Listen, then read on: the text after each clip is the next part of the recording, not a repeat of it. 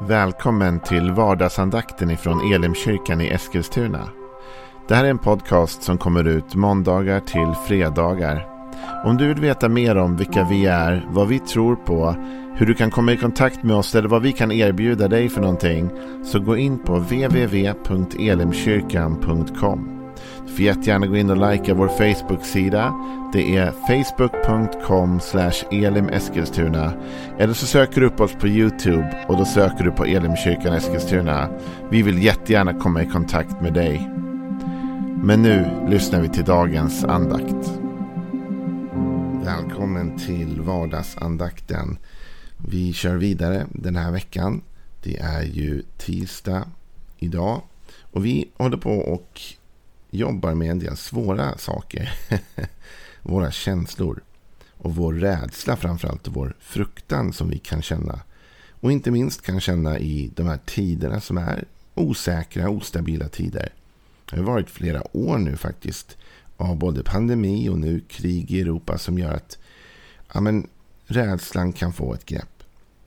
Men vi är inte de enda som har känt rädsla genom alla tider. Utan Jesus själv kände fruktan och oro och blev bedrövad så djupt att han till och med upplevde dödsångest.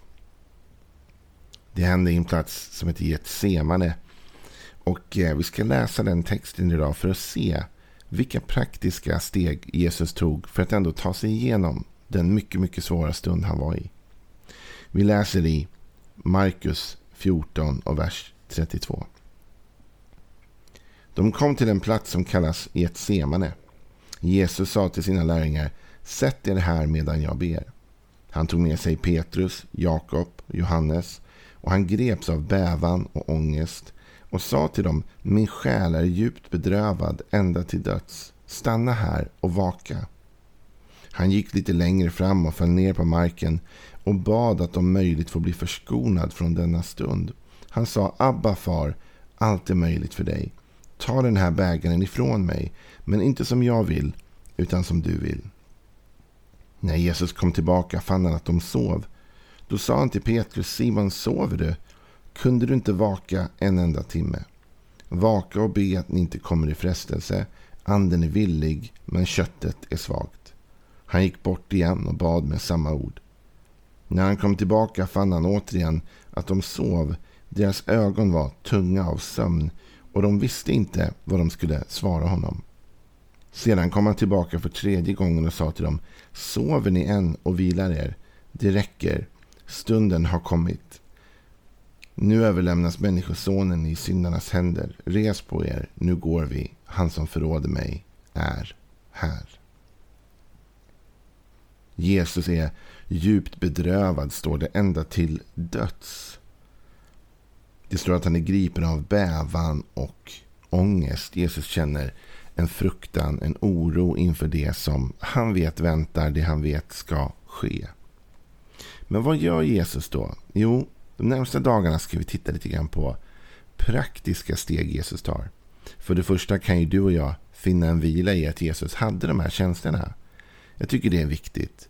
Det är inte så att vi kan bli så heliga att vi inte känner ångest eller bävan eller rädslan de sakerna finns. Det är del av den mänskliga erfarenheten. Till och med Jesus, jag menar du blir inte mer helig än Jesus. Till och med Jesus, han kände de här sakerna och brottades med dem. Det är inte fel att känna rädsla.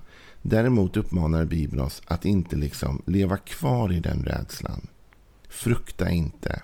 Det står inte att vi inte ska känna fruktan, men att vi inte ska leva i den där fruktan. Utan vi ska hitta sätt att hantera rädsla och gå vidare i livet. Vad gör Jesus? Den här texten finns det en sak som är både, man kan tycka, fantastisk och konstig. Och det är Jesu lärjungar. Jesus, han tar med sig sina lärjungar. Han säger i början till sina lärjungar, sätt er här medan jag ber. Och sen står det att han tar med sig Petrus, Jakob och Johannes. Vet du, jag tänker så här. Du och jag, vi måste bli bättre på att dela vår rädsla med andra.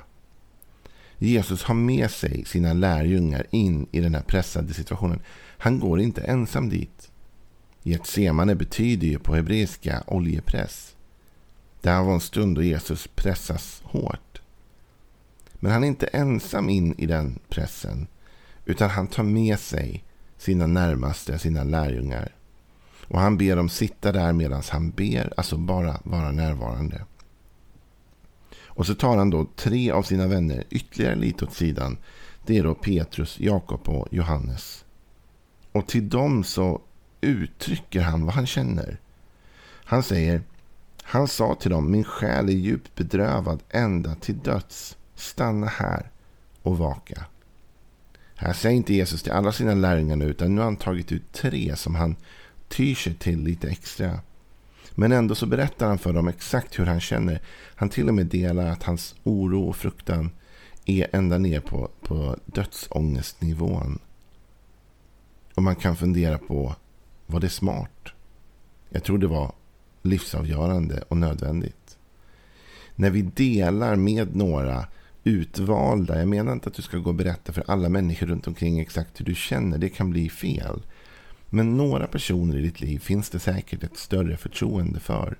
Det finns säkert en eller två, kanske tre personer som du känner de här vågar jag uttrycka mina känslor för. Och säg till dem hur du känner. Jesus talar om sin ångest. Han talar om det han bävar. Han vågar uttrycka det till de som är med honom. Jesus sa det som sagt inte till alla, men han säger det till dem. Lärjungarna är med. De är med genom hela Getsemane-stunden. Men de bidrar inte så värst mycket egentligen. Och ibland kanske man tänker så, även vad det gäller vår relation till andra som går igenom något svårt. Vad ska jag bidra med? Hur kan jag, om du är som jag så är du så här, du vill hitta lösningar. Liksom. Du är lite lösningsorienterad. Så att du söker efter sätt att fixa det. Liksom. Men det är inte det som är det viktiga här. Utan det viktiga här är att inte vara ensam. Det viktigaste för Jesus här var absolut inte vad lärjungarna sa. För de säger inget vettigt alls. De somnar till och med. Men han är ändå inte ensam. Han har dem ändå runt omkring sig. Även om de sover så är han inte själv. Och jag vill uppmuntra dig som brottas med fruktan idag, oro idag, ångest idag. Var inte själv. Se till att du har folk runt omkring dig. Det behöver inte ens vara de mest alerta människorna. Det behöver inte ens vara de som har lösningar på allting. Kanske till och med sovande människor. Men omge dig med människor. Du vet, vi är inte skapta för att vara ensamma. När Gud skapar Adam så identifierar han väldigt snabbt ett problem. Och det är att Adam är ensam. Och nu menar jag inte att du måste hitta en livspartner. Det är inte alla som gör det. Men vi som människor, vi är inte skapade för att leva livet i ensamhet. Det innebär att även om man är singel hela livet kanske, så bör man ha nära vänner. Man bör omge sig med människor. Och man bör när man har stark ångest eller fruktan eller oro hitta de människorna och söka sig till dem om du är väldigt oroad just nu för världsläget eller andra saker. Så, och du inte har en familj, du inte har liksom en partner som du kan vara med. Kanske det är nu du ska ringa till en vän och fråga om ni ska hitta på någonting. Äta middag ihop, gå ut och fika ihop, gå på en bio ihop. Kanske nu du ska ringa hem till dina föräldrar och säga får jag komma hem en stund och äta middag ikväll. Alltså omge dig med människor. Jesus tog med sig sina lärjungar. Och det här faller ju tillbaks då till liksom gamla ordspråk som Salomo har gett oss. När Salomo till exempel säger i Predikaren 4, vers 9 att det är bättre två än en, för de får god lön för sin möda. Om de faller kan den ene resa upp den andra. Men ve den som är ensam. Faller han finns det ingen som kan resa upp honom. Likaså, om två ligger tillsammans har de det varmt. Men hur ska den ensamme hålla sig varm? Där en blir överbemannad kan två slå emot och en tretvinnad tråd brister inte så lätt. Här talar Salomo om att, av vikten av att inte vara ensam. Att hitta människor och vara med. Och du hör att jag säger att det inte bara är en parrelation vi pratar om. Men att du hittar nära djupa relationer. Jesus hade med sig sina lärjungar in i ett semane. Han delade sitt hjärta med Petrus, Jakob och Johannes lite tydligare. Och han hade dem ändå med sig. Och då kanske du tänker, men jag har inga bra polare. Mina polare, de har inget att ha. De, de lyssnar inte, de deltar inte. Vet du, lärjungarna är ju bedrövliga i ett semane. De kommer dit och då Jesus säger till dem, vaka och be med mig. Det är vad Jesus ber dem om. Men de somnar. De orkar inte ens hålla sig vakna. Och Jesus kommer dit och säger, kunde du, inte, kunde du inte ens hålla dig vaken en timme Simon? Han kommer tillbaka igen och de sover fortfarande. Och de visste inte ens vad de skulle säga. Och så kommer han en tredje gång och de sover även då. De bidrar ingenting. De sover, de är oengagerade, de är trötta. Men de är där. Och de fyller ändå en viktig funktion. Inte minst funktionen av att få vara några som Jesus kan tala med. När Jesus först kommer dit så säger han åt dem att vaka och be med honom. Och så tar han de här tre åt sidan och så berättar han exakt hur han känner på insidan. Han går iväg och ber, han kommer tillbaks. Och då tar han Simon åt sidan och säger, men Simon, kunde du inte hålla dig vaken ens en timme? Och vi förstår att det finns en viss besvikelse hos Jesus. Men sen säger Jesus någonting till Simon. Han sa, vaka och be att ni inte kommer i frestelse. Anden är villig, men köttet är svagt. Ser du att Jesus fortsätter att berätta för Petrus vad han känner? Det här det Jesus beskriver här är ju precis det han går igenom. Va? Jesus beskriver precis för Petrus vad han brottas med i ett semane.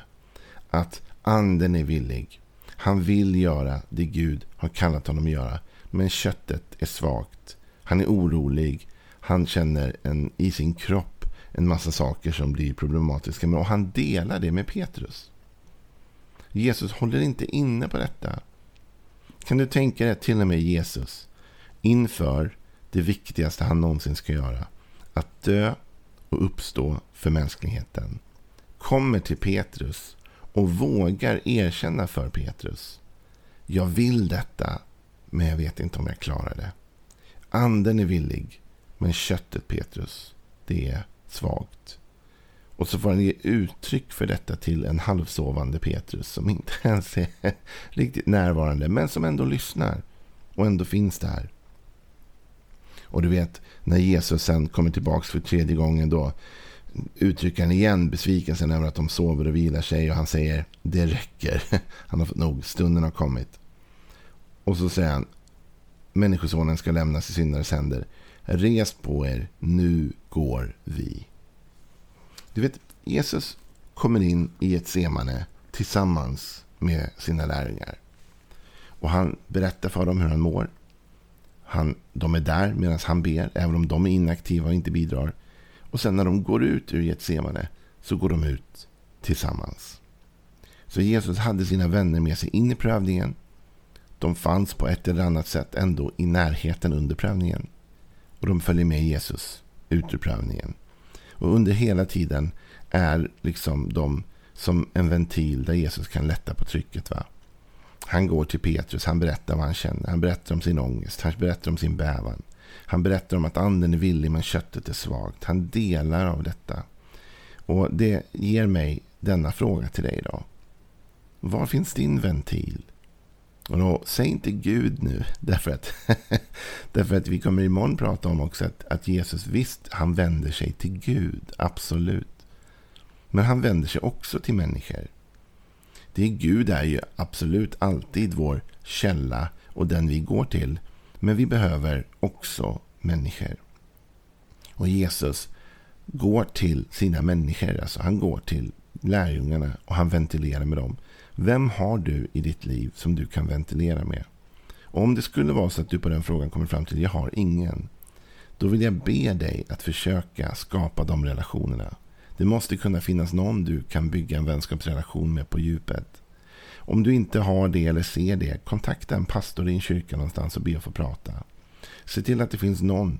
Det där är ett jättebra alternativ för dig som behöver ventilera av dig. Ring till din lokala kyrka, prata med din pastor, säg jag behöver få ett telefonsamtal eller Jag behöver att vi möts och att jag får prata om mig, dela med mig om vad jag känner, min rädsla, min fruktan.